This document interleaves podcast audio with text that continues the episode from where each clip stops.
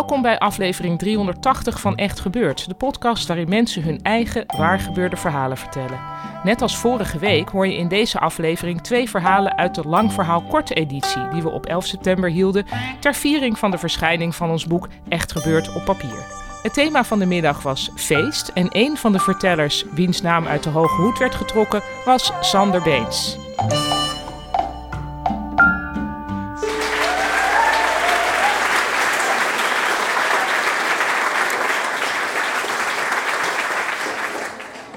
Het is 2016. Ik ben net 18 jaar. En ik ben net aangenomen aan het conservatorium in Groningen. Ik heb een kamer gevonden en ik wilde mijn nieuwe studieleven gaan ontdekken. Dus ik wilde uitgaan, ik wilde feesten. En ik ontdekte al snel dat de klassieke afdeling van het conservatorium, daar moest je niet zijn. Ik had veel meer met de jazzjongens, terwijl ik zelf klassiek speelde. En vooral ook de jazzmeisjes. Het waren allemaal hele mysterieuze en sexy en meisjes vanuit de hele wereld. En uh, de jongens waren allemaal heel stoffig en uh, ook op hun eigen manier mysterieus. Dus ik wilde daar contact mee leggen. Bovendien kon je in Groningen wel naar de stad gaan, maar dan werd je overspoeld door aan de ene kant boeren en aan de andere kant bejaarden. Dat was ongeveer wat je had in de kroeg. En natuurlijk de jongens van Vindicat.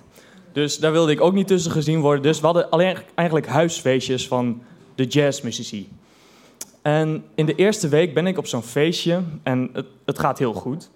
Uh, ik heb, heb, contact met die mensen en uh, ik drink een biertje en nog één en nog één, nog één.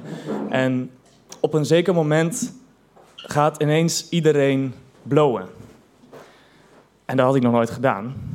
Ik moet er ook bij zeggen, ik was ik had, woonde daarvoor in Genemuiden, uh, een gereformeerd dorp, echt hartje Bijbelbelt. Daar gebeurde sowieso al niet veel. Dus ik was al lang blij dat ik op zo'n feestje was. En ik wilde me eigenlijk iets stoerder voordoen dan ik was. Dus toen aan mij gevraagd werd, wil je ook een jointje? Kon ik geen nee zeggen. En uh, zat ik ineens met al die jazzjongens op zo'n bank, hingen we. En, nou, bij mij viel dat totaal verkeerd. Dus ik werd misselijk en het echt, ik wist niet hoe snel ik naar de wc moest. Um, maar bij de wc aangekomen, die was bezet. Dus daar kon ik niet kotsen. Um, toen rende ik door naar de keuken. Maar ik kon niet in de wasbak kotsen, want daar stonden allemaal mensen te roken onder de afzuigkap. Toen uh, rende ik naar de tuin. Maar de deur naar de tuin kon niet open. Dat verklaarde ook waarom al die mensen onder de afzuigkap stonden te roken. Dus in blinde paniek rende ik de trap op van een huis waar ik nog nooit was geweest. In de hoop dat er boven een badkamer of een tweede toilet of iets zou zijn. Ik vond, uh, toen ik op bijna, uh, de, vond ik de badkamer. Uh, en de, ik moest eerst langs het bad en dan was pas de wasbak. Dus het bad was dichterbij. Dus ik koos voor het bad. um, nou, nadat ik zag wat ik had aangericht, dacht ik, ja, dit moet ik wel even opruimen. Dus ik, ja, ja ik terug naar de keuken en een teltje en een doekjes en allemaal zooi halen en weer naar die badkamer toe. Uh, hopen dat niemand doorhad dat ik daarboven aan het kotsen was geweest. Um, ik alles netjes opruimen, afspoelen met die douchekop, alles schoon. Uh, en toen was het zo'n mooi schoon bad. En ik was weer een beetje nuchter, dus ik had een goed idee. Ik ga even in bad. ik voelde me heel erg vies. Dus ik dacht, ik, ga, dus ik laat het bad vollopen, lekker zeep erin, warm water. En ik trek mijn kleren uit en ik ga in bad zitten. Twee uur later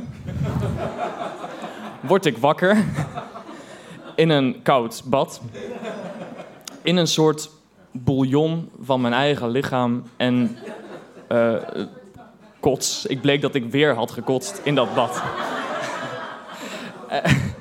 Um, toen kon ik dus voor een tweede keer dat hele bad schoonmaken.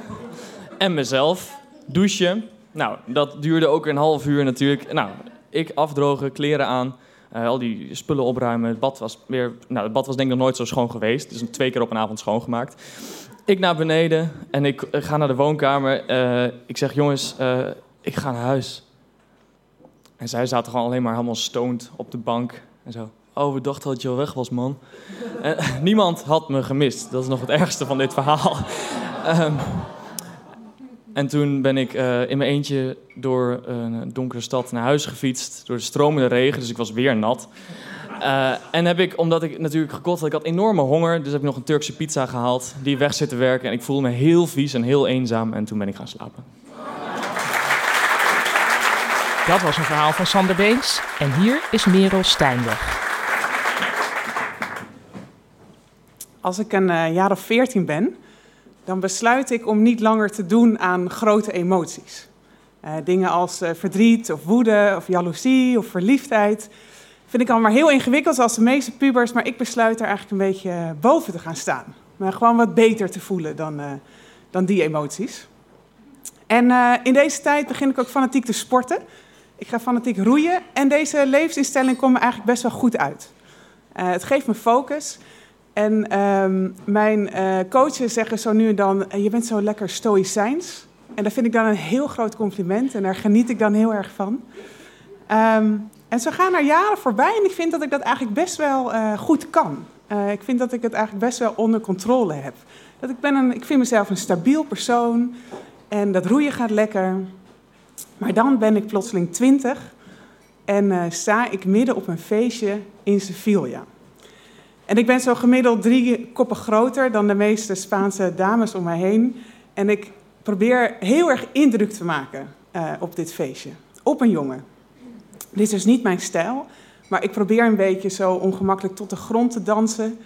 Uh, maar die Spaanse dames doen dat allemaal veel soepeler. Uh, en ik heb ook heel veel spierpijn, ik ben heel stijf, dus dat gaat helemaal niet zo makkelijk.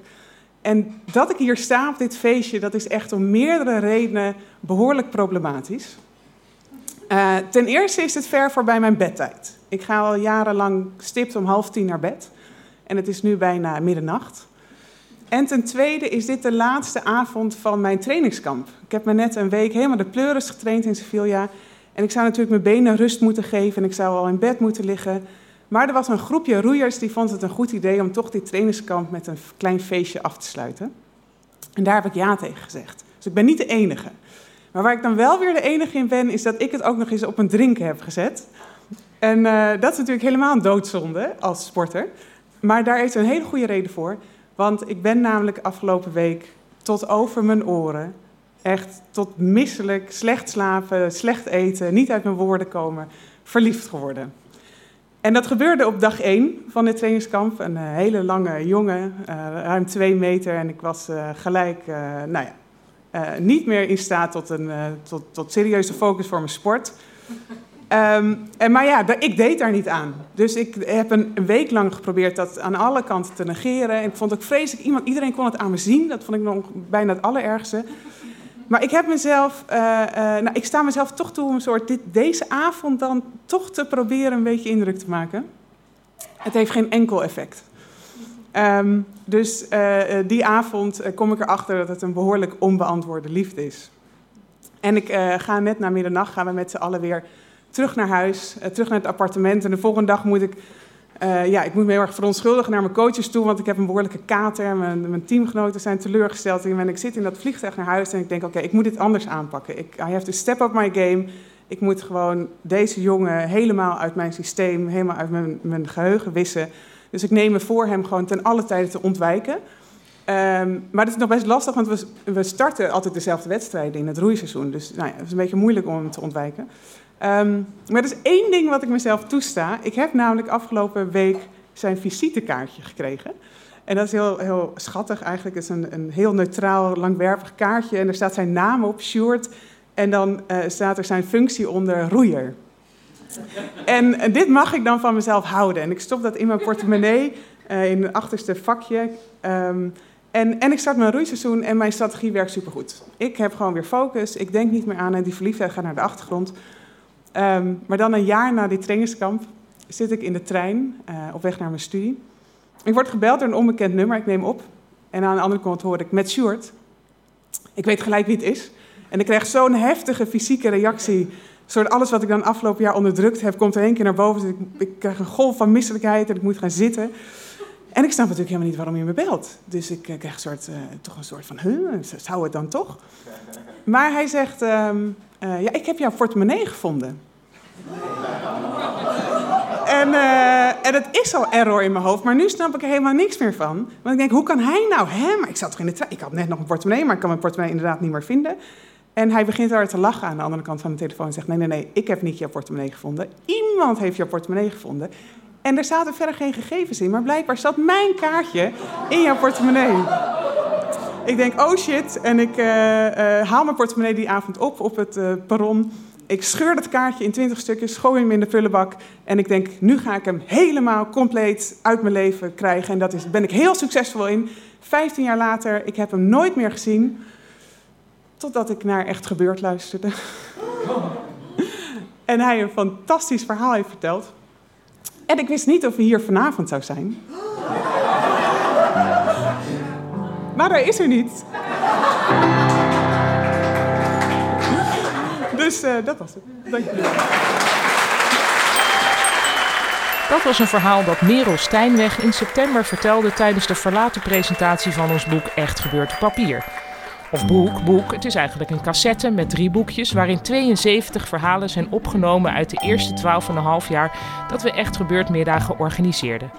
Er is een verhaal van Merel in die cassette opgenomen en ook het fantastische verhaal van Sjoerd, waar zij het net over had. Dat staat er ook in. Dus koop dat boek, alvast voor Sinterklaas of voor kerst. Dat kan via onze website www.echtgebeurd.net of in je favoriete fysieke boekwinkel. En op 27 november, ik zei het vorige week ook al, organiseren we opnieuw een lang verhaal kort in Comedy Club Toemler in Amsterdam. Ditmaal rond het thema op school.